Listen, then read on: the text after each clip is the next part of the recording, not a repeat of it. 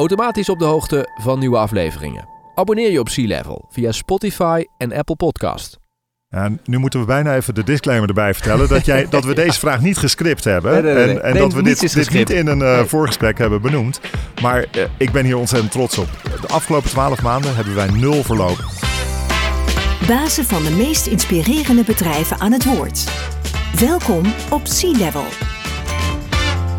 Deze aflevering Pieter Paul van Oerle, oprichter van het consultancybedrijf van de toekomst Unlimited. En hij heeft gewerkt voor The Next Web. Ik praat met hem over de wensen van een nieuwe generatie werknemers. En waarom het oude consultancymodel misschien wel niet langer houdbaar is. Pieter Paul, als jij jezelf nou zou moeten omschrijven in één woord, wat zou je dan kiezen? Oeh. Ehm, ondernemer. Nou ja, misschien kunnen we even langslopen wat je allemaal hebt gedaan. Op dit moment zitten we bij Unlimited. Daar ben jij Ja. een van de medeoprichters van. Kun je kort uitleggen wat Unlimited is? Ja. Unlimited is een adviesbureau eh, van ondernemende adviseurs. Eh, dus mensen sluiten zich bij ons aan, eh, maar houden ontzettend veel eigenaarschap over hun eigen klussen, over hun eigen klanten. En daar zit dat dus al helemaal in, dat ondernemerschap. maar dat eigenlijk om andere organisaties te helpen toekomstbestendig te worden. Precies, we zitten in jullie kantoorpand dicht bij het Olympisch Stadion in Amsterdam. Daar hebben jullie een fantastische plek. Het is een bedrijfsverzamelgebouw, denk ik, hè? Of is het helemaal van jullie? Nee, dat klopt. Eh, er zit hier een, eh, man of duizend. Eh, zo groot zijn we nog niet. We zijn nu met een mannetje of 50. Eh, dus we groeien langzaam het pand in, zal ik maar zeggen. Dit is Edge Technologies, Edge Workspaces. En dat is ontwikkeld dus door een club die echt de beste bedrijfspanden over de hele wereld eigenlijk op dit moment aan het ontwikkelen is. Oh, dat is wel interessant. Dat, ik wilde eigenlijk een andere kant op gaan, maar dit triggert mij wel. Laten we daar dan even mee beginnen. Want ik zal even omschrijven wat ik zie. Veel groen. Dat is volgens mij altijd, als het over tech en innovatie gaat, dan zie je dat. We hebben een koffiebar natuurlijk, hier om de hoek, waar je eh, heerlijke koffie kunt halen. Ik heb al een cappuccino gehad, dus dat is echt top. En ja, daar zitten hier mensen gewoon lekker te werken. Voor ons zitten twee dames, die hebben een leuk gesprek. Iets verderop zit iemand die heeft een eh Teams call. Dat is een beetje de sfeer die dit uit moet stralen, hè? Ja, de eh, Edge Technologies is echt een eh, partij die eh, elk nieuw gebouw wat ze neerzetten, willen ze weer de gold standard aantikken. Ze hebben geholpen met het eh, gebouw, ze zijn verantwoordelijk voor het gebouw van Deloitte, hier aan de Zuidas ook. Dat eh, heeft ook, de, heet ook de The Edge, ja. En dat is eigenlijk ook de trigger geweest voor hun eigen rebranding. Daarvoor heten ze nog OVG Real Estate, eh, waren het echt real estate ontwikkelaars. Maar ze dachten, hey, het gaat niet meer over de real estate, het gaat over, over wat je doet in dat gebouw. Hè? Dus met Edge Technologies hebben ze de slimste gebouwen, de meest sustainable gebouwen. Dat doen ze heel vaak voor opdrachtgevers, maar ze willen er ook een paar zelf, zodat ze er zelf in kunnen werken, kunnen zien eh, Ja, eh, wat er gebeurt. Dus dit zijn het soort van living labs van, eh, van Edge Technologies. Ja, want het is toch ook zo dat volgens mij het toilet wordt gespoeld met regenwater. Dat zijn toch de ideeën die erachter Ja, zitten? dit, dit is aan alle kanten proberen ze het meest sustainable te zijn wat er kan binnen, de, binnen de setting. Dit is ook een refurbished gebouw, dus dit is helemaal- niet helemaal nieuw gebouwd. En bijvoorbeeld de vloer die je hier ziet, dat was hiervoor was dat de voorpui. Oh, dat meen je niet. Dus dat wordt dan wel eraf gehaald omdat het niet echt meer kan als buiten, buitengevel. Maar zo voor een vloer kan het nog prima. Ja, Ja. zeker. Dus dat zijn ook allemaal sustainable gedachten die daarachter zitten. Wat leuk. Dus als je je ook afvraagt van wat hoor ik eh, om hen heen. Dat zijn dus gewoon mensen die hier ja, aan het werk zijn. En die hier, Zeker. eh, waarom Ja. is dit een prettige plek om hier te werken? Ja, het is, een, eh, het is dus een heel gezond gebouw. Het is een heel prettig gebouw. En eh, wij kunnen hier heel flexibel in, eh, in zijn. Wij zijn een, een team van een, van een man of 50. En af en toe wil je met heel veel mensen op kantoor zijn. Heb je meer meetingrooms nodig. Heb je, heb je een eventruimte nodig. En, en af en toe ben je maar met een man of vijf of tien in je eigen kantoor. En eigenlijk, je hebt hier heel veel flexibiliteit. Dus dat is heel prettig. Ja. En ehm, misschien dan ook even het linkje maken naar wat Unlimited doet. Ehm, overigens denk ik ook, je zit in Amsterdam. Dus dat is altijd goed om mensen aan je te binden. Hè? De freelancers die voor je werken. Want zijn het freelancers die voor Unlimited het werk doen? Ja, dus technisch gezien zijn het eh, freelancers. eh, maar wij zijn niet een netwerk van freelancers. Hè, want dat is te los eh, in mijn optiek. We zijn echt een, een groep consultants die 100% eh, voor elkaar kiezen, met elkaar kiezen. Die eh, echt toetreden eh, tot Unlimited. En dan gezamenlijk voor onze klanten het verschil willen maken. Uh, maar daarbinnen dus heel veel zelfstandigheid houden. Dus het is een beetje een, een mixed gevoel wat dat betreft.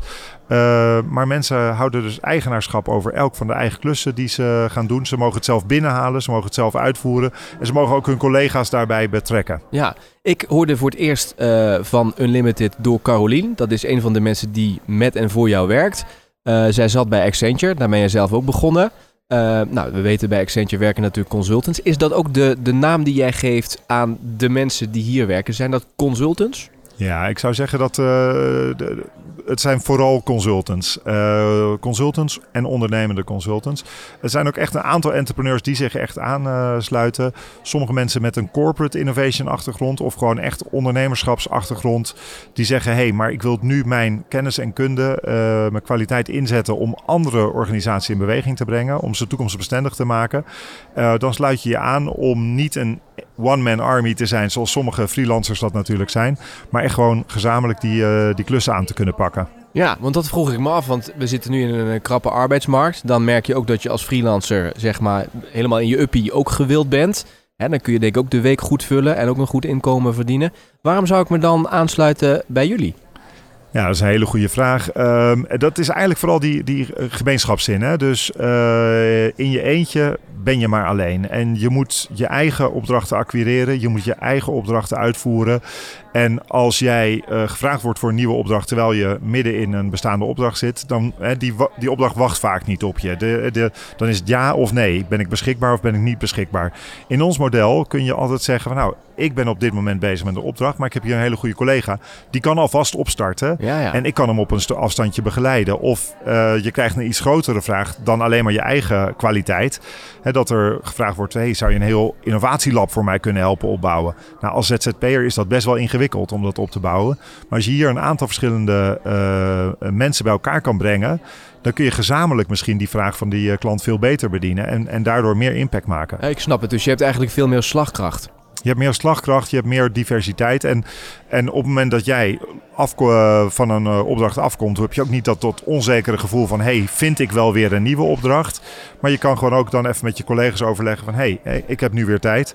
Wie is er nog bezig met een leuk project en heeft er extra hulp nodig? Dus je helpt elkaar ook een beetje aan, aan werk. Ja, en hoe ziet het verdienmodel uh, eruit als ik als freelancer, ik noem het toch maar even freelancer, ver, verbonden ben aan Unlimited? Stuur ja. ik daar wel met mijn eigen bedrijfje naar mijn klant een factuur of gaat dat via jullie? Nee, dat gaat dus inderdaad volledig via ons. Uh, we zijn een soort kostenmaatschap. Dat is ook niet helemaal nieuw. Er zijn een aantal andere bureaus in uh, Nederland die je zou kunnen aanmerken als een kostenmaatschap.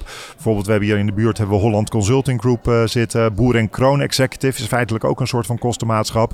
Vaak zijn dat vrij senior partner level netwerken uh, die met elkaar die, uh, dat, die structuur hebben. En ik denk wat het meest bijzondere is, is dat wij dat eigenlijk hebben opengebroken voor alle leeftijden. Dus wij hebben hier ook twintigers rondlopen, dertigers, die vaak in die ouderwetse uh, kostenmaatschappen wat moeilijker tot, tot recht komen. Omdat daar heel erg wordt, van wordt uitgegaan dat je je eigen werk altijd maar moet inbrengen.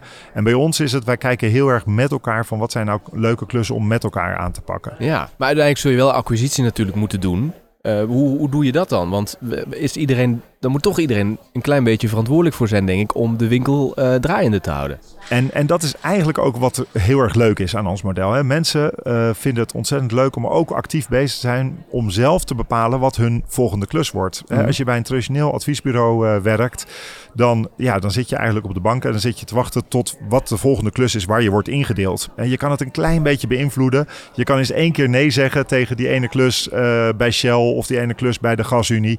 Maar als dat niet jouw industrie is of niet jouw uh, locatie is waar je graag zou willen werken, dan kan dat heel vervelend zijn. En dat voelen klanten ook. Hè? Dat, daar, dat daar consultants worden geplaatst die misschien niet echt een hele primaire drijf hebben van ik wil hier de impact gaan maken. En bij ons uh, kun je het zelf bepalen. Want als jij uh, het goede gesprek uitgaat met de, met de bedrijven waar jij wil werken, uh, dan kun je daar je werk gaan vinden en dan kun je daar die impact gaan maken. Dus het, is, uh, het geeft het, het is een empowerment bijna van, uh, van, van iedereen. In het begin zag je ook wel bij ons dat vooral de, de wat oudere consultants, zoals ik zelf en een aantal van de andere oprichters of senior directors die zich aangesloten hebben bij ons, dat die heel veel werk binnenhaalden en dat de rest van het team dat dan hielp uitvoeren ja, en dat ze konden kiezen van waar wil ik me bij aansluiten. Maar wat je nu steeds meer ziet is dat ook de jongere consultants zeggen... ja, hou eens even, ik kan zelf ook wat verkopen. Ik kan zelf ook uh, die gesprekken aangaan. En dat dat uh, dus ook leidt tot precies het werk wat zij zelf willen hebben. Ik vind het wel interessant om um, eventjes naar jouw cv te kijken. Want uh, jouw eerste job was bij Accenture. Daar ben je ook begonnen als consultant. Dat klopt. Daar ben je, op een gegeven moment ben je, ben je weggegaan om andere dingen te doen. Daar kunnen we het zo nog even over hebben. Later ben je weer teruggegaan naar eh, Accenture in een, in een leidinggevende rol toen, hè? Klopt. Ja. En daar heb je toen volgens mij tien jaar bijna gezeten? Ja. ja. Wat ik me afvraag is, je hebt natuurlijk, je weet als geen ander hoe die consultancywereld werkt. Je weet ook wat daar de kritiek op is en wat misschien wel de versleten modellen zijn die niet meer zo goed werken. Zien we hier eigenlijk in Unlimited jouw visie op hoe consultancy eigenlijk zou moeten werken en in, geïn- geïmplementeerd moet worden? Ja, ik denk, ik denk dat is echt wat we beogen te doen. Hè. We, ik zag twee eh, grote problemen met het, eh, met het model, terwijl het heel veel waarde heeft. Hè. Dus organisaties hebben soms veranderkracht nodig van buitenaf. Je kan niet alles zelf eh, de hele tijd in beweging brengen. Je hebt soms tijdelijk innovatiekracht nodig of tijdelijk transformatiekracht nodig. En dat kun je niet allemaal opbouwen in je eigen organisatie. Dus je hebt die veranderkracht nodig. Maar die grotere, traditionelere eh, adviesbureaus, die hebben een heel erg top-down structuren. En dat moet ook bijna wel. Dat komt door het model. Want de partners of de eigenaren, de aandeelhouders, die zijn verantwoordelijk voor al het werk wat er gebeurt. Eh, die verdienen daar ook het meeste geld aan. Dus die willen alles controleren. In de nieuwe manieren van werken is controle eigenlijk een hele slechte raadgever. Eh, risicomanagement is een hele slechte raadgever. Je moet eigenlijk veel meer vrijheid geven, enabelen, eh, een beetje richting geven en loslaten. En dat oude model, dat, dat staat dat bijna niet toe. Want je wordt er uiteindelijk wel op aangesproken. Je bent er uiteindelijk wel verantwoordelijk voor. Dus wij hebben zo echt proberen na te denken van hoe kunnen we het model nou omdraaien, zodat Ja. al het goede van extern advies, externe verandering, dat dat wel mogelijk is. Maar dat we eh, eh, niet die oude, die oude controlemechanismes daarin brengen. Precies. Mike Hoogveld, misschien even noemen, want je zegt we. Met Mike Hoogveld eh, heb je eerder eh, Starbrand opgericht. Die stond ook samen met jou aan de basis van Unlimited, hè? Ja, nou dat is heel, eh, heel grappig dat je dat nu benoemt inderdaad. Want hij, hij werkte al in een adviesbureau wat eigenlijk werkte in, via dezelfde structuur als Unlimited. Namelijk een kostenmaatschap. En dat is een soort van de technische term daarvoor. Dat is dat je zo het minimale deel van je fee met elkaar deelt om je centrale kosten vanuit te doen. Maar eigenlijk iedereen verder zijn eigen fee eh, eh, verdient. Dus dat je er heel veel eigenaarschap daar ook over houdt. Ehm, hij werkte daar al eh, en zag de voordelen van het model, omdat dat heel erg eerlijk verdeeld en, en empowered. Ehm, maar hij zag ook dat in die bureaus vaak dus de, de gemiddelde leeftijd heel hoog is. Hè? Vaak is dat 50 plus. En dat al die nieuwe skills, de service designers, de data scientists, die, die briljante nieuwe geesten, die, die nieuwe jonge talenten, die heel veel veranderkracht eh, met zich meebrengen, die komen dus niet binnen in dat soort eh, eh, modellen. En dat zag hij, zagen we bij Accenture bijvoorbeeld veel meer. Hè? Daar was Mhm. ik, in mijn laatste rol was ik innovatiedirecteur, ben verantwoordelijk geweest voor het opzetten van Accenture Digital in Nederland. Daar had ik te maken met al die mensen en ik zag eigenlijk de veranderkracht vanuit die jeugd misschien soms nog wel meer dan vanuit die hele ervaren eh, dinosaurs, hè, de, de ouderwetse eh, organisatieadviseurs, die komen vertellen over eh, de wereld van morgen. Die, die jonge adviseurs, die, die komen hem gewoon maken, hè, die wereld van morgen. En Ja. dus we hebben eigenlijk gekeken van kunnen we dat model van die kostenmaatschap, kunnen we dat nou eens eigenlijk toegankelijk maken voor alle leeftijden. En we hadden de hoop dat dat eh soort van de, de magic juice eh, zou zijn. Ja, en wat, wat is dan het resultaat van, van die toch andere manier waarop je tegen de zaken aankijkt? Ja, het resultaat is gewoon heel veel lol. Dus we zijn in 2018 mee begonnen. En eigenlijk meteen, eh, ook maar als een experiment, van zou het gaan werken? Hè? Eh, laten we eens kijken of dat zou werken. En aan het eind van 2018 waren we al met 10 man. En toen hadden we een aantal hele ervaren mannen. We nog twee co-founders, ik zal ze even noemen. Corik Alons, eh, Tom, Tom Maas. Die ook al direct hun eigen klussen meebrachten, een eigen netwerk meebrachten. Eh, dus een aantal hele ervaren mensen, maar ook een aantal hele jonge mensen die direct aangesproken waren door het model en zeiden: hey, daar wil ik wel bij aansluiten. Ja. Dit vind ik gaaf. Dit is een nieuwe manier om eh, impact eh, te kunnen maken. Dus ehm, je zag eigenlijk met tien man werkte het model al. En toen zijn we heel rustig, heel gecontroleerd gewoon door blijven groeien. Met mooie klanten en hele goede mensen die zich bij ons hebben aangesloten. En zo zijn we nu inmiddels met een mannetje of 50. Hè. Dus je ziet dat, dat, eh, dat we dat heel gecontroleerd doen. Heel zorgvuldig eh, eh, de kwaliteit heel goed, eh, goed houden. Maar dat eh, het resultaat is dus dat iedereen die bij ons werkt, echt ontzettend, ja, dat, dat eigenaarschap, ik blijf het maar herhalen, dat heel erg voelt. En onze klanten voelen dat ook. Dus we hebben hele hoge klantwaardering ook. omdat ze gewoon voelen van ja, ik krijg gewoon een eerlijke prijs. En iemand die mij echt oprecht volledig wil helpen. En ja, dat is gewoon een hele fijne mix. Ja. Hoe zit het met de doorloop? volgens mij is traditioneel bij een consultancybedrijf, niet in de top, maar wel bij de consultants uh, de doorloop is ontzettend hoog en groot. Ik kan me herinneren dat ik voor een consultancymaatschappij iets deed. En na de zomer, volgens mij, moesten we helemaal opnieuw beginnen met afspraken maken. Want iedereen was weg in de zomer. En dat wist die contactpersoon ook niet. Dat zegt volgens mij ook iets over het model en hoe het is ingericht. Hoe is dat bij jullie? Nu moeten we bijna even de disclaimer erbij vertellen. Dat, jij, dat we deze vraag niet gescript hebben. En, en dat we dit, dit niet in een uh, voorgesprek hebben benoemd. Maar uh, ik ben hier ontzettend trots op. De afgelopen twaalf maanden hebben wij nul verloop. Dus er is Kijk, helemaal niemand weggegaan bij Unlimited. En dat is inderdaad heel uniek. Daar, daar ben ik ook ontzettend trots op en heel, heel erg blij mee. Maar dat, want dat is voor mij een, een graadmeter. Dat, het dus, dat wij een aantrekkelijke plek ja. zijn om vanuit te, te werken. Want alle mensen die zich uh, hebben aangesloten bij Unlimited, die kunnen morgen op tien andere plaatsen terecht. Dan wel in een grote adviesorganisatie. Dan wel bij een, een coole start-up of scale-up. Dan wel in een grote corporate. En ze krijgen de aanbiedingen dagelijks uh, hun LinkedIn-inboxjes uh, binnen. Maar ze hebben echt het gevoel dat ze bij ons ja, die vrijheid hebben. een goed verdienvermogen. en een hele positieve impact kunnen maken. Ja, en je zei net ook LOL. Waar, Jullie gaan volgens mij samen op, uh, op skireis. Hè? Nou, dat doen de consultancybedrijven en dat doet ieder bedrijf volgens mij. Maar noem eens wat voorbeelden dan van die LOL en wat jullie misschien daar wel anders maakt dan anderen. Ja, ja ik, uh, we, we, doen heel veel met elkaar. Dat uh, vinden we ontzettend belangrijk om elkaar echt goed te leren kennen. En, en elkaar te kennen zowel in het werk. We doen projecten natuurlijk met elkaar samen. Maar ook buiten het werk. Zodat je elkaar ook blind leert te vertrouwen. Hè? dus we doen over een paar weken ook een, een outdoor, een soort van survival weekend in de, in de Ardennen. En dat is vrijwillig voor iedereen uit het team. Echt, echt heel erg vrijwillig, dat, dat benadrukken we. Want dat, je wil natuurlijk niemand daartoe verplichten. Maar 100% van de mensen gaat mee. Uh, dus dat is ook alweer zo'n ja, positief mooi. beeld van... hey, blijkbaar vinden ze dat dus leuk om ook met hun collega's uh, die tijd door te brengen. Omdat het gewoon gezellig is samen. Omdat we heel veel lol kunnen hebben samen. Maar ook omdat ze die waarde wel weer zien. Van hey, het is handig als ik mijn collega's heel goed leer kennen. Een paar maanden later gaan we dan alweer inderdaad op windsport met z'n allen. Dus we doen eigenlijk al die dingen die leuke en goede adviesbureaus ook uh, doen.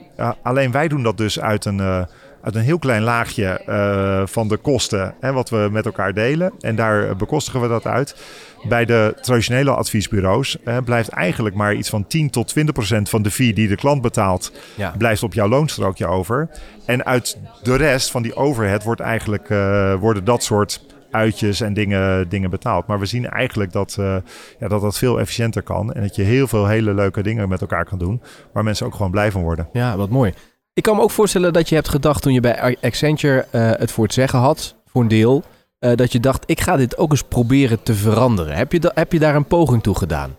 Ja, zeker.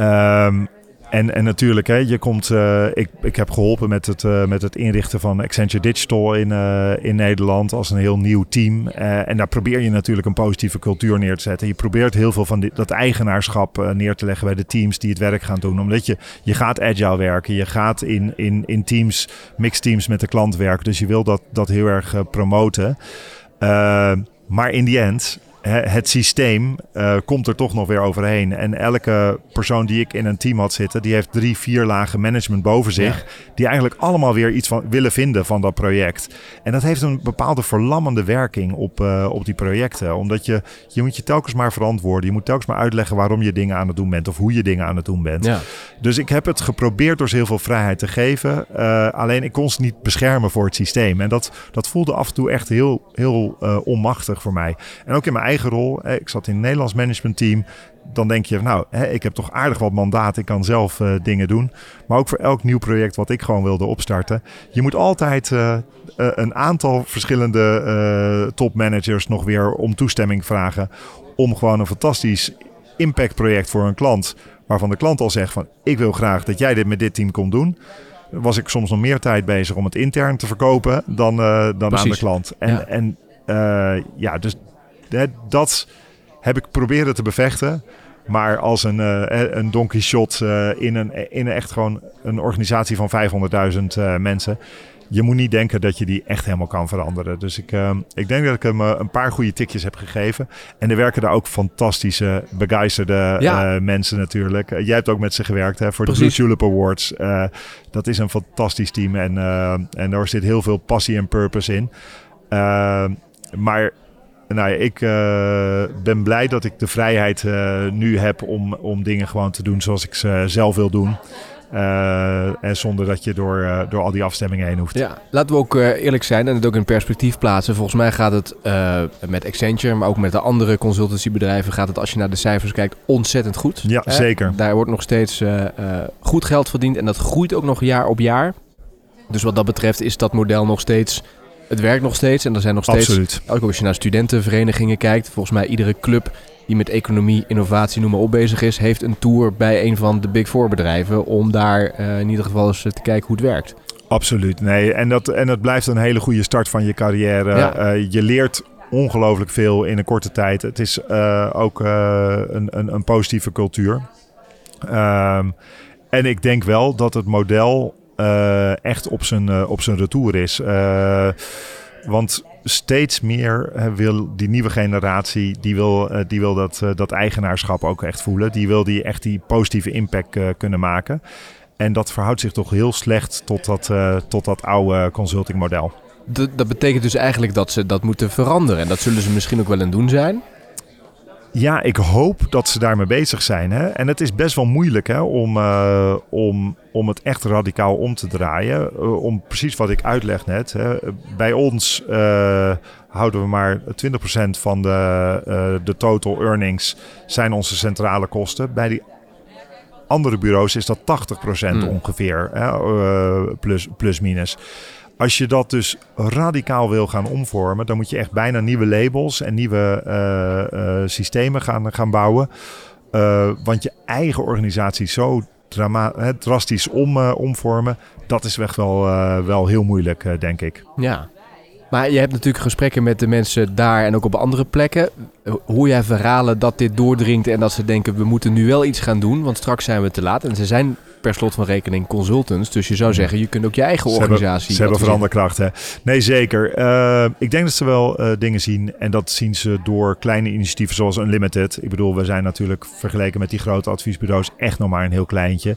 Maar ook, ook wel met uh, natuurlijk de enorme stroom freelancers die überhaupt meer los in de markt komt te staan. En dat is natuurlijk ook al een teken. Dat zijn mensen die zeggen: ik doe het liever helemaal alleen dan dat ik onderdeel word van een heel gaaf team en dat we samen allemaal dingen kunnen doen. Dat is, echt, bijna, dat is echt bijna een tegenbeweging. Hè? Van ik wil wel advieswerk doen, maar niet meer uh, in zo'n structuur. En ik denk dat misschien die hele grote freelance movement, dat dat nog, ze nog meer wakker schudt dan een, uh, dan een bureau als Unlimited mhm. op dit moment. Maar ik denk wel dat dit soort nieuwe bureaus uh, de toekomst zijn. Ja. Uh, nog eventjes over het verdienmodel aan jullie kant. Ik ben zelf ook ondernemer, dus ik vind het wel interessant om dat te weten. Want jullie sturen de factuur en daar is natuurlijk een bepaald percentage. Dat hou je voor jezelf. Voor alle zaken die je moet organiseren voor die freelancers, noem maar op. Precies, dat is die eigenlijk de. Dat is ook heel transparant. Je kunt het zelfs vinden op de website. 20% van, uh, van alle earnings de, is onze, uh, onze, onze kostendeling. En daarvan betalen we eigenlijk al onze operationele kosten. Ja. Heb je nou wel de ambitie dat je zegt: ik zou met Unlimited ook wel willen verder groeien? Ik zou ook wel naar het buitenland toe willen. Ik zou meerdere kantoren in Nederland willen hebben? Ja, ja, ik zie heel erg die potentie. Zo hebben we er ook vanaf het begin over gesproken. Zonder dat we daar heel veel haast mee hebben. Want we, het, het, werkt, al, het werkt al heel leuk uh, toen we met Stine waren. Het werkt ook nu heel erg leuk nu we met, uh, met de man of 50 zijn. En we willen heel gecontroleerd groeien. We willen de cultuur goed houden, we willen de kwaliteit goed houden. En uh, dat was ons meer waard dan, dan groei op zich. Ja. want we krijgen heel veel mensen die aan de voordeur kloppen, ook die zich graag zouden willen aansluiten. Maar we cureren echt van wie we vinden passen, zowel op kwaliteit van werk als als, als persoon. Hè. Dus die positieve impact die ze willen maken met een team. Dus zodat we die, die cultuur heel erg goed, uh, goed houden. Maar uh, ik zie dat nu de, eigenlijk de aandacht van ons model ontzettend groeit. Uh, we groeien dit jaar sneller dan de, dan de afgelopen jaren. Uh, en dat kan dus heel goed. Hè? Dus uh, zolang we dat, uh, dat zorgvuldig blijven doen. Uh, we hebben ook al interesse inderdaad uit een paar landen om ons heen. Van, uh, van mensen die uh, ook ervaring hebben bij andere adviesbureaus. Die zeggen, ik ben geïnspireerd door dat model. Zou ik Unlimited Denemarken kunnen opzetten? Of zou ik Unlimited België kunnen opzetten? Of Unlimited UK? En dat, dat vinden we zeker interessant om te verkennen. Uh, maar ook daar, daar hebben we op dit moment geen haast mee. Uh, dat doen we alleen als er echt de perfect match is van, uh, ja. van mensen die echt bij ons passen qua DNA. Maar ben je dan niet een nieuw Accenture of een nieuw KPMG in het klein aan het opbouwen? Want als je dat natuurlijk in het buitenland gaat doen, jij kunt maar op één plek tegelijkertijd zijn. Hoe bewaak je dan dat die sfeer, die jullie toch samen gebouwd hebben met je compagnons, dat die ook blijft? Ben je niet gewoon eigenlijk een, een nieuw bedrijf aan het starten wat straks ook tot nou ja, wat we kennen van de traditionele consultancymaatschappij? Uh, ja, het, het, mooie is dat ons model by design heeft iedereen die eigenaarschap. Hè. By design kan iedereen tegen elke klus ook ja of nee zeggen. Ik denk alleen al dat gegeven, dat staat heel centraal in ons, uh, in ons denken en doen. Um, en dat geeft, dat geeft die vrijheid aan die, uh, aan die adviseurs om hun eigen keuzes te maken. Dus wij kunnen ja. niemand gaan dwingen. Uh, uh, we kunnen mensen eigenlijk alleen maar steeds meer kansen geven. En wij horen ook van de, de nieuwe generatie dat ze het onwijs gaaf vinden om ook eens een jaar in uh, uh, Kopenhagen bijvoorbeeld te kunnen werken. En dat kunnen wij ze nu nog niet gegarandeerd bieden. Als wij daar nou ook een vestiging zouden hebben en zeggen... hey, en daar doen we nu bijvoorbeeld vanuit Rethinking Energy... Uh, doen we een project in, in Kopenhagen. Nu vliegen we daar twee keer naartoe. Proberen natuurlijk ook heel erg onze travel footprint laag te houden. Als iemand zou zeggen, hey, ik wil wel verhuizen. Ik wil daar wel een jaar gaan wonen. Om daar vandaan dan uh, op dat Rethinking Energy uh, onderwerp uh, door te bouwen in, in Denemarken. Dan zouden we graag die, die kans willen, willen kunnen bieden. Ja. Even een ander onderwerp, wat hier wel mee te maken heeft. Dat is namelijk leiderschap. dat, dat ben jij samen met je collega's. Zie jij jezelf als een, een nieuwe leider? Die past bij, bij dit type nieuw bedrijf. Met ook een, een nou, werknemers, als je ze zo mag noemen, die ook anders denken. Die anders tegen nou ja, noem het maar op, thuiswerken, duurzaamheid, you name it.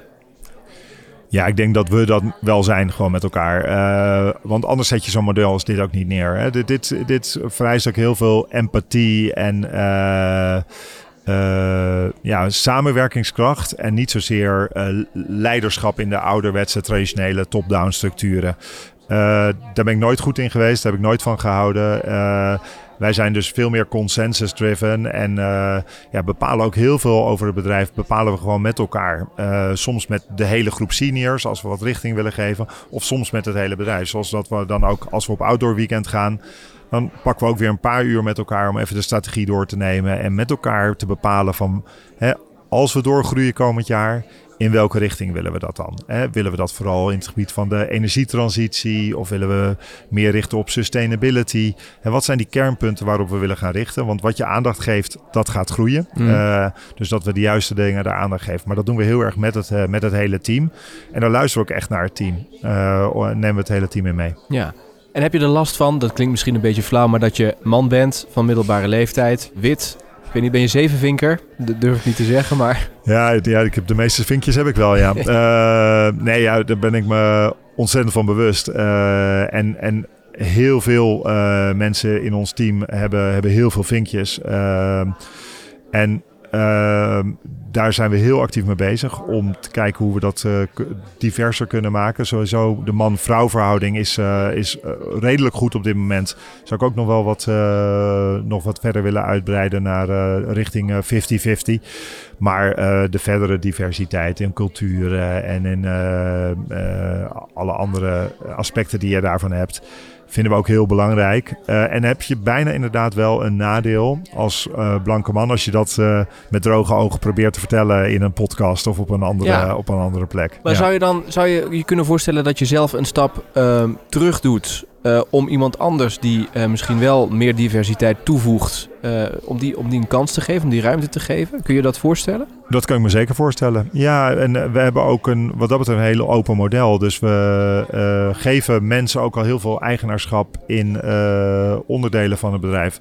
Carolien, die je net noemde, uh, die leidt nu bijvoorbeeld ons hele marketingteam. Terwijl zij is gewoon één van de 50 uh, adviseurs. Ja.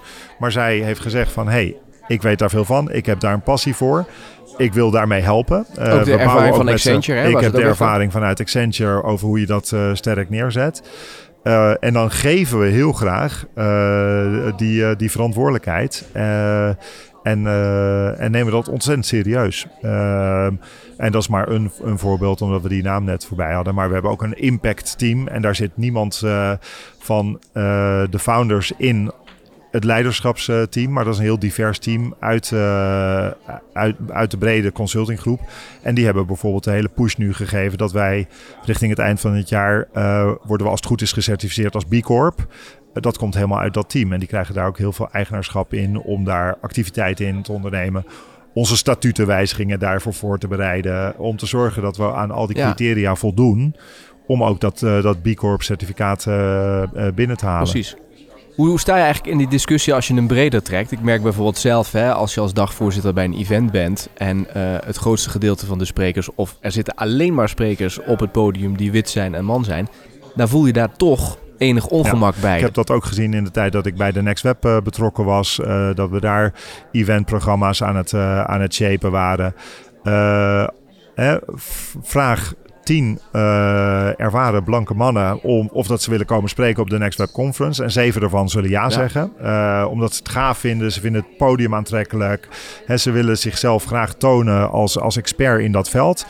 Vraag het aan tien uh, diverse vrouwen of dat ze willen komen spreken. Die equally qualified zijn, die, die net zo powerful zijn. Daar zullen er misschien maar één of twee van ja. ja zeggen. Dus je moet gewoon meer moeite doen om uh, een, een divers uh, spe sprekerspanel bij elkaar te krijgen. En dat is in die event setting. Maar soms moet je daar gewoon dus heel streng in zijn. Dan maar minder sprekers, dan maar uh, andere keuzes. we zitten hier in, bij Edge Workplaces.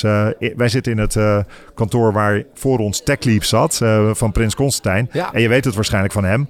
Hij weigert om op events te, te spreken op dit moment.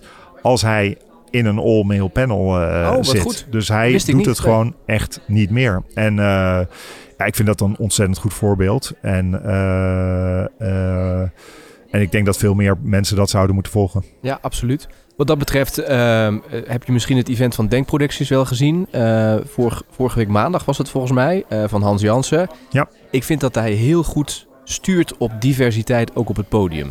Uh, Absoluut. Dat doet hij. Ja. Was je daarbij? Nee, ik, ik was niet bij, maar ik ja. heb er wel uh, online ja. voorbij zien komen. En je ziet daar inderdaad een heel mooi divers plaatje uh, voorbij Super. komen in de social media. Overigens ook Floor Doppen, oud-redacteur van Op1, de talkshow, heeft een column nog niet zo lang geleden in de Volkskrant geschreven. Dat gaat precies over dit onderwerp. Zij moest mensen bellen. Wilt u bij ons te gast zijn vanavond? Mannen zeiden meteen, jazeker, ja, hoe laat moet er zijn? En dames zeiden, nou, ik heb een collega die kan dat misschien beter doen. En zij benoemde ook een aantal aandachtspunten en zelfs aanbevelingen van hoe je daar uh, als vrouw, maar ook als man en als organisatie mee om kunt gaan. Dus google dat even, want dat is de moeite waard. Zeker. Um, jij noemde al de Next Web. Daar wil ik zo meteen wat meer over weten. Nog even heel kort over Unlimited. Jij zei net, we bepalen zelf eigenlijk uh, met het team waar we ons uh, op in gaan zetten. Waarmee we naar buiten gaan. Of dat nou ESG is of, nou, you name it.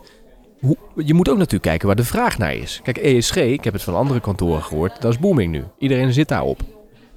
Dat, ja. kun je, dat kun je dan bijna niet ontkennen. Of, of uh, uh, niets mee doen. Uh, nou, je kan altijd kiezen om ergens niet iets mee te doen. Hè? Want nou, als er bepaalde onderwerpen zijn die ons team niet aanspreken, waar we gewoon geen specifieke expertise in hebben, gewoon, gewoon niet blij van worden, dan zullen we daar dus zeker, we zullen er zeker niet actief achteraan gaan dan. Maar ook als het inbound komt, kwalificeren wij echt van, hè, zijn wij hier de beste partij voor? Of moet je niet gewoon naar een van de uh, andere adviesbureaus gaan om daar je hulp uh, te, te, krijgen? Uh, dus wij kijken wel heel erg waar ligt onze eigen passie. en we weten eigenlijk inderdaad, wij denken vanuit een abundance mindset. Hè. Er is ongelooflijk veel verandervraag en wij zijn maar met 50. Dus laten we zorgen dat we onze tijd en energie inzetten waar we heel veel impact kunnen maken.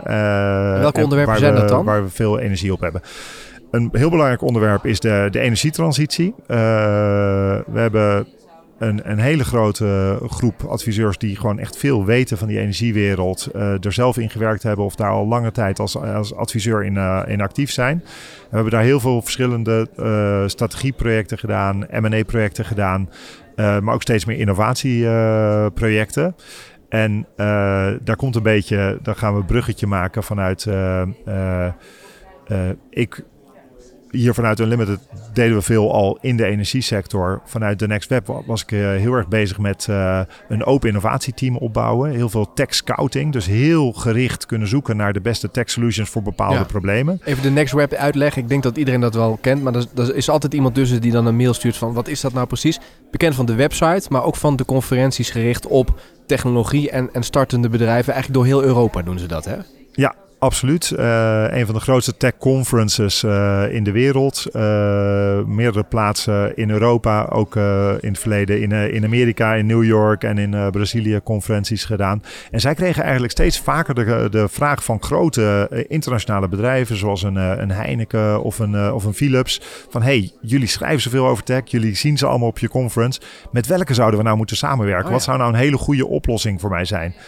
En uh, ze vonden het best wel moeilijk om dat te beantwoorden. Want dan moet je natuurlijk heel goed ook de vraag van het bedrijf uh, snappen. En als media- en eventsmensen hadden ze niet het gevoel dat ze daar alle kennis voor hadden. Dat hebben ze mij gevraagd toen ik net wegging bij Accenture. Van, wil je ons helpen om die vraag beter te kunnen beantwoorden? Toen hebben we eigenlijk een heel team opgebouwd in de afgelopen vier jaar. Uh, wat heel goed is in het ophalen van die vraag van wat willen we nou eigenlijk oplossen? Uh, en dan heel goed wereldwijd te zoeken wat zijn de allerbeste oplossingen voor deze hele specifieke vraag. En dan te helpen in dat selectieproces. En dat deed ik dus voor bedrijven over de hele wereld. En dat deed ik over heel uiteenlopende onderwerpen. Van marketing tot sales tot echt product innovation uh, en, en wat je maar wil. Uh, maar wat mij op een gegeven moment heel erg begon tegen te staan, is A, dat ik vanuit de energiewereld heel weinig van dat soort hele open innovatievragen kreeg. Omdat ze daar zijn heel veel engineers en die willen heel graag hun eigen problemen oplossen. Die gaan we liever bouwen dan, dan zoeken. Uh, en dat wij wel bij onze uh, uh, klanten zagen eigenlijk dat er heel veel vergelijkbare uh, problemen liggen. Hè? Dus dat, en helemaal, dat zie je al in, op Nederlands niveau. Daar hebben we in heel veel wijken hebben we problemen met de energietoevoer. Nou, en dan zit Alliander dat dus voor haar gebied uit te zoeken. Zit Enexis ja. het voor haar gebied uit te zoeken. Stedin zit dat ook uit te zoeken. Dan zitten we op minimaal drie plekken in Nederland zitten we uit te zoeken van hoe zou dat kunnen werken. En eigenlijk zijn ze allemaal dan een wiel aan het ontwikkelen. En onze gedachte was van, hey, eigenlijk zou je uh, op zoek moeten gaan naar de, naar de beste wielen die er zijn.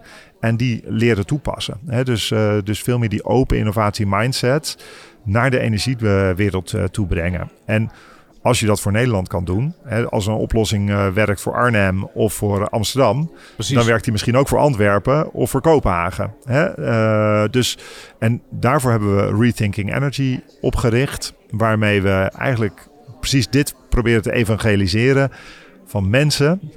Voor heel veel van de uh, problemen waar jullie in de energietransitie mee, uh, mee stoeien, daar zijn gewoon al oplossingen voor daarbuiten. Uh, stel ons de juiste vraag. Dan kunnen wij je altijd helpen de, de juiste oplossingen te vinden. En dan kunnen we helpen selecteren en implementeren. Daarmee kunnen we ontzettende versnelling leveren aan die energietransitie. Dus dat is een van die platformen die, dan wij, die wij dan oprichten, omdat wij gewoon zien van ja, dit is een gereedschap wat eigenlijk te weinig gebruikt wordt in die industrie. Uh, en op die manier willen we het bekendmaken. Maar ook de uitkomsten ervan delen met het, uh, met het wereldwijde netwerk. Want nogmaals, het is niet een competitive advantage om uh, sneller een netuitbreiding te kunnen doen of om bepaalde balansverstoringen eruit te halen. Maar eigenlijk kennis die ze in de rest van de wereld ook uh, uh, iets aan hebben. Dus laten we dat dan gewoon ook actief delen als we dat gedaan hebben. Hmm. En zo gaat het vaak bij business. Hè? Je wordt geconfronteerd in dit geval, jij bij de Next Web, met dat je dit zag. En dan ontstaat daar weer een nieuw idee voor in dit geval ook een, een businessmodel. Doe je dat dan vanuit uh, Unlimited of is dat echt weer vanuit een hele andere invalshoek opgezet? Ja, dus wij hebben vanuit Unlimited het, het initiatief daartoe genomen, omdat wij die, die energiewereld internationaal zo goed kennen en daar al zoveel werk voor, voor doen. En dachten, dit kunnen we er extra aan toevoegen. Maar we doen dat in een heel nauwe samenwerking nu dus ook met de Next Web. Dus zij zijn onze Global Tech Scouting Partner. Okay. dus heel vaak werkt het zo in projecten die we ophalen, dat wij, dat wij helpen die vraag heel scherp te krijgen. Echt snappen van wat proberen we hier nou op te lossen. En wat is dan de waarde als we dat goed oplossen. Zodat we die definitie heel erg goed hebben. Dan doen we samen met de Next Web die wereldwijde uh, scouting-exercitie. Dat we echt kijken van ja, wat zijn nou goede oplossingen? Misschien is het in Israël een keer al opgelost. Mm. Of is het in Australië al een keer opgelost. Of in Canada. Gaan we dat in kaart brengen? Wat zijn de goede oplossingen? En dan helpen wij onze klanten te selecteren en die nieuwe oplossingen te implementeren. Ja, dus daar heb je wel het internationale voordeel. Dat je Absoluut. echt die kennis overal vandaan kunt halen. Zeker. En waarom zou je het niet onder uh, de vlag van Unlimited doen, dit? Want dat kan Unlimited ook weer versterken en, en extra autoriteit geven op dit gebied. Ja, dus we, uh, we koppelen de twee ook best wel vaak aan elkaar hoor. Maar ik, uh, we hebben bewust, bewust gekozen voor Rethinking Energy. Omdat we het ook, wij zijn ecosysteemdenkers. Hè. Nogmaals, ik, ik noem het maar, maar een keer. We zijn maar met 50 man. wij gaan in ons eentje de energietransitie ook niet oplossen. Dus we doen dat heel graag in een, in een groot netwerk met veel, veel partners. En we willen dat uh, label, Rethinking Energy, zo succesvol mogelijk maken. Uh, en ik denk dat ik het zou belemmeren als we het heel erg hè, unlimited energy uh, zouden noemen. Dan is het voor andere partners moeilijker om erbij aan te sluiten. Ik wil het een open en een transparant platform maken. Waar veel andere partners ook gewoon hun diensten in kunnen verlenen en hun klanten in kunnen bedienen. Precies, bij deze ook een oproep. Als er mensen zijn die luisteren en die zijn daarmee bezig, meld je aan. Want misschien heb je wel een toevoeging. Brainport Regio ben ik vaak te gast. Daar gebeuren ook hele interessante dingen. Die zullen denk ik al voor een deel zijn aangesloten. Zeker, dus we hebben veel contact met ze. Maar uh, wie er maar nader wil samenwerken met dit, uh, met dit platform, met dit, uh, met dit label, ja, neem contact op. dan kijken we hoe. Super. Nog een paar dingetjes, want de Next Web, ik wil daar toch nog even over vragen. Omdat daar, dat is toch een als je daar mag spreken, als je daar aan verbonden bent, als je daarmee bezig bent, daar gaat een enorme kracht van uit. Hè? Dat is een sterk merk. Hoe verklaar je dat eigenlijk? Dat zij zo'n ja, autoriteit zijn op hun gebied? Ja, ik denk dat dat voor een heel groot deel uh, te koppelen is aan de, de twee oprichters. Hè, Boris Veldhuizen Verzanten, Patrick de Leve. Die zijn er al 16, 17 jaar geleden mee begonnen. Dus zij liepen natuurlijk heel erg voor daarmee. Ze waren Gewoon als een website begonnen, toch? Als een website en als een conference. Oké, okay, die combinatie was er in het begin al was direct vanaf jaar 1. Uh, en eigenlijk uh, begonnen ze daarmee omdat ze hun eigen start-up uh, bekend wilden maken in de rest van de wereld. En ze vonden die andere conferences in Amerika vonden ze wat duur om naartoe te vliegen. Dachten ze, dan doen we maar een eigen conference. Maar die twee mannen die hebben zo'n charisma en die hebben zo'n positief netwerk om zich heen. Dat mensen willen daar gewoon graag, graag bij horen. En ik denk dat het dus heel erg ja, op die twee mannen uh, gegroeid is die eerste jaren. Ook een hele leuke wisselwerking tussen de wat meer ervaren uh, ondernemer uh, Boris en de, en de jonge hond Patrick die, daarna, die daarnaast bezig was. En dat zij gewoon echt iets heel moois hebben opgebouwd. niet voor niks is vier jaar geleden ook Financial Times ingestapt als groot aandeelhouder. Uh, om gewoon omdat ze die waarde zien uh, en, uh, en echt het gevoel hadden van hiermee kunnen wij samen nog veel harder doorgroeien. Hè? Financial Times is natuurlijk een beetje de oude economie en zij zagen hey, we willen ook die nieuwe economie instappen. En dat, daar hebben ze echt de Next Web voor gekozen als label om, om die stap te kunnen, kunnen maken. Ja, en dat, dat is een sterke combinatie en we zullen dat de komende tijd nog zien doorgroeien. Hoe, zei, hoe jij het persoonlijk? Hè? Je bent dus uh, verbonden natuurlijk aan uh, Unlimited. Ik denk dat daar de meeste tijd uh, naartoe gaat. Hè? Ja. Wat we nog niet genoemd hebben, is dat je ook co-founder bent van Scout Lab. Ja. Wat is dat? dat is ook weer uh, zo'n uh, nieuw label waar we zeggen, ja, het gaat niet zozeer om ons bedrijfsmerk, maar meer om partijen bij elkaar brengen. Hier werden we heel erg getriggerd door DPW. DPW is Digital Procurement World, een grote conference die eigenlijk vooral procurement leaders bij elkaar brengt. Afgelopen weekend was dat weer, hè? Afgelopen week was het hier in Amsterdam een grote grote, conferentie waar dat allemaal bij komt. Maar dat is dan een conferentie en daar kom je één keer per jaar bij elkaar. Als je nou in de rest van het jaar ook nog verbindingen wil maken tussen die heel snel groeiende start-up en scale-up scene, ook in de procurement technology, uh, en die grote bedrijven die die enorme veranderkracht nodig hebben van die techbedrijven, dan heb je bruggenbouwers daartussen uh, nodig.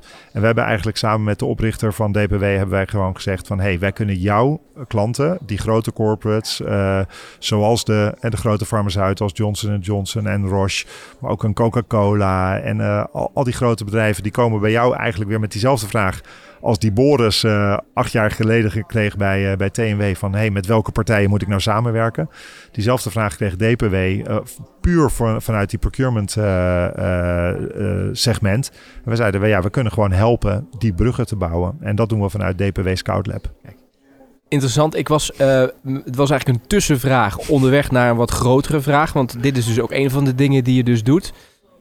Je merkt natuurlijk dat mensen graag in hokjes denken. ze zeggen natuurlijk graag van uh, Pieter Paul, dat is unlimited. Of dat is the next web. Maar je doet veel meer. Hoe presenteer jij jezelf naar buiten toe? Ja, ik, mijn primaire rol is dat ik founder ben van Unlimited. En dat ik hier het mooiste bedrijf van de wereld mm. aan het bouwen ben. Uh, met, uh, met een hele mooie groep uh, collega's. En daarvanuit doe ik een aantal initiatieven. Hè. Dus Rethinking Energy is ontstaan vanuit Unlimited. Scout Lab leveren we helemaal vanuit Unlimited. Dus dat zijn eigenlijk labels waarmee we ook uh, onszelf wat neutraler in een ecosysteem positioneren om gewoon versnelling uh, te halen en die openheid uh, te blijven betrachten daarin. Weet je wel, we zijn niet, hoeven niet zo heel hard op onze eigen borst te roffelen, want ons merk doet er niet zo toe. Het gaat meer om ons netwerk, om, om de kwaliteit van onze mensen. En nou ja, zoals ik zei, we hebben al twaalf maanden niemand gehad die ons heeft verlaten. Klanten verlaten ons ook bijna niet. Het is, het is verslavend om met, met ons te werken. We zijn dus ook al twaalf maanden lang uitverkocht. Dus ik hoef niet zo heel hard aan shameless self-promotion voor Unlimited te doen. Uh, maar we willen gewoon hele mooie diensten naar onze klanten kunnen brengen. En dat doen we met netwerkpartners, omdat we daar echt in geloven. Ja, en waar zit hem dat dan in dat klanten zeggen van... we gaan opnieuw weer met jullie aan de slag. We willen weer heel graag met jullie werken. Ja, ik, dat krijgen we letterlijk terug. Ik wou zeggen, ik denk, maar wat we terug horen is, uh, ze voelen gewoon de, de persoonlijke passie van onze adviseurs. Hè? Dus uh, ze weten gewoon, deze jongen, deze jonge dame, die heeft één ding waar ze de, de hele week mee bezig zijn. Is dat is om mij succesvol te maken. Dat is om dit project succesvol te maken. Om hier die positieve impact te maken. En dat is, uh, dat zou eigenlijk een default moeten zijn natuurlijk bij alle adviesbureaus. Hè, dat je je klant uh, eh, echt probeert uh, te helpen. Maar toch als je dat vanuit een employee uh, situatie doet. Dus ik ben medewerker en ik ben geplaatst op een project. Dan, ben je, dan heb je meer werknemersgedrag. Ja. En bij ons zit daar gewoon echt ja, die persoonlijke drive in om, om het succesvol neer te zetten. En die klant gewoon ontzettend blij te maken. En, en dat voel je terug. Zit je op één klus tegelijkertijd? Zit je bij één klant tegelijkertijd? Ik zou zeggen dat uh, de ruime helft van onze mensen op, uh, op één klus zit. Uh, dus heel duidelijk een klus kiest, daar drie dagen per week of vier dagen per week zich op, op focust voor, een, voor een periode lang. Er zijn ook mensen die meerdere klussen naast elkaar doen. Dus die één dag per week coach zijn bij, bij de ene klant en dan twee dagen per week op een andere klant werken. En je hoort het me daar ook zeggen, fulltime is bij ons vaak drie dagen per week of vaak vier dagen per week.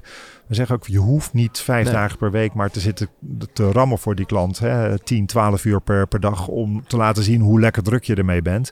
Daar wordt die klant niet veel beter van, wordt het project ook niet heel veel beter van. Het is veel beter om die work-life balance echt oprecht gewoon heel goed uh, te krijgen daar je eigen keuzes in te maken. En de momenten dat je aan het werk bent, dan ook echt met full focus en full attention met die klant uh, bezig te zijn. Dus zo werkt dat heel vaak bij ons. Dat werkt dus dat er sommige mensen echt vier dagen per week bij ons werken of drie dagen per week bij ons werken en daarnaast gewoon lekker andere dingen doen. Uh, dat zijn ook mensen die uh, acht maanden per jaar bij ons werken en dan vier maanden op winterbreak gaan. Dus uh, die, er zijn twee jongens die hebben een eigen bedrijf, daarmee doen ze ski-tochten. En dus die nemen drie à vier eh, maanden achter elkaar vrij aan het eind van het jaar. Hè? Dus, dus in ja. de wintermaanden. En dan zijn ze even, dan zijn ze met hun skibedrijf bezig. Komen ze in april weer terug en dan stappen ze in een, uh, in een mooi pro uh, project. Ja. En ja, dat kan allemaal als je iets vrijer denkt dan jij bent mijn werknemer en ik wil dat jij 200 dagen per jaar chargeable bent. Ja. Dit doet me denken aan een stuk volgens mij laatst in FD persoonlijk, waar volgens mij een ondernemer ook zei, de laatste twee maanden van het jaar, dan heb ik gewoon al een soort van pre-mini-pensioen. En dat doe ik ieder jaar, want waarom zou je pensioen helemaal aan het einde van je carrière ja, fantastisch. Dat ja. kan dus eigenlijk bij jullie ook. Dat, dat, er zijn veel, en, en eigenlijk van alle leeftijden. En ik vind het mooi. Hè, uh, soms zijn de jonge consultants nog wat vrijer in hun hoofd dat ze dat ook echt doen. We, we moedigen iedereen aan eigenlijk om het te doen. Het kan in ons model financieel ook heel erg uh, goed. Omdat je gewoon in de maanden dat je aan het werk bent een, een, hele goede beloning krijgt. Ehm, maar inderdaad, ja, er, er, zijn nu op dit moment ook een aantal adviseurs gewoon voor een paar maanden aan het reizen. En als ze daarna weer terugkomen, dan gaan we op zoek naar het best next, next project ja. voor ze. Ik kan me niet voorstellen dat meer bedrijven dit straks uh, gaan volgen, dit model. Ik denk niet iedereen, hè, bijvoorbeeld de overheid en zo kan ik me voorstellen, dat is daar. En misschien ook echt die, die consultancybedrijven met het systeem waar we het over hadden. Daar is het misschien moeilijk om het te integreren. Ja. Maar wat overzichtelijkere bedrijven, ik, ik kan me bijna niet voorstellen, dit is toch wat je in de toekomst wil voor je werknemers. Zeker om ze aan je te binden. Ja, het is, uh, het is absoluut een model van de, van de toekomst. Uh, uh, en ik verwacht zeker dat dit, dat dit stevig door gaat groeien.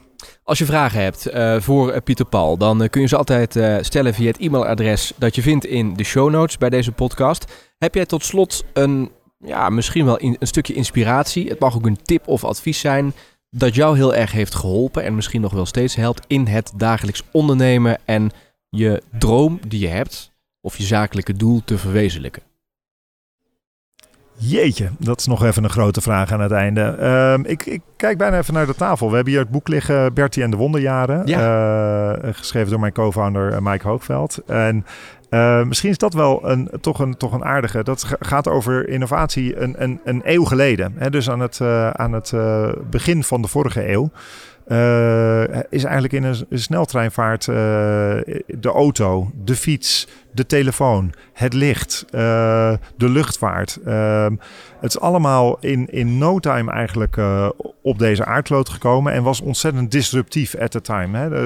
heeft, een, heeft onze onze maatschappij volledig uh, veranderd. Ik denk, we zitten nu weer in zo'n disruptieve tijd, hè, waar we met hele nieuwe technologieën en, en hele grote veranderingen uh, te maken hebben. Ik denk we heel veel kunnen leren van hoe mensen toen om zijn gaan uh, met, met innovatie. Dat is ook de, de trigger geweest voor Mike om dat boek te, te schrijven, om daar gewoon naar te kijken en daarvan te leren. maar dat we nu echt in een tijd leven dat het ongelooflijk belangrijk is dat we een hele positieve toekomst gaan vormgeven met elkaar. En dat kan echt heel erg. We kunnen op dit moment de, de, onze eigen toekomst gaan, uh, gaan vormgeven. Voor de energiecrisis. Uh, eigenlijk alle oplossingen liggen al op de, op de plank. We moeten ze alleen gaan toepassen. We hoeven niks meer uit te vinden om naar volledig renewable energy te kunnen gaan binnen tien jaar voor de, voor de hele aardkloot. Maar we moeten het vooral gaan doen. Dus als we bedrijven nu in eh, beweging kunnen krijgen, als we nu samen die richting kunnen bepalen, dan kunnen we zo'n mooie positieve impact maken. En ik denk, uh, nu is de tijd van doen. Kijk, dat is een uh, slogan van een bekend bedrijf. Ik las laatst op Adformatie nog, dat is van ASR zit, hè? De ik geloof het wel, ja. En Eneco had ook iets volgens mij gedaan met, met doen erin. En volgens mij, ik sprak toen de, de woordvoerder van ASR en die zei van, ja, dat is eigenlijk... We hadden het volgens mij wel heel positief opgepakt bij ASR, want ze hadden er volgens mij een bericht online van gemaakt van, kijk, we inspireren ook andere collega's. Dus, Zo is uh, het. Hey, ik vond het heel leuk uh, om uh, hier te gast te zijn. Kijk, dat klinkt applaus. applaus. Heerlijk. Goede timing. Uh, dankjewel voor je tijd en voor je mooie verhaal. Dankjewel. Dit was Sea Level, een podcast van T-Talks met CEO's die het verschil maken. Wil je deze CEO als spreker op je event? Check dan t-talks.nl. En vind je deze podcast leuk? Abonneer je dan via Apple Podcast of Spotify en laat een review achter. Bedankt voor het luisteren. Tot de volgende keer.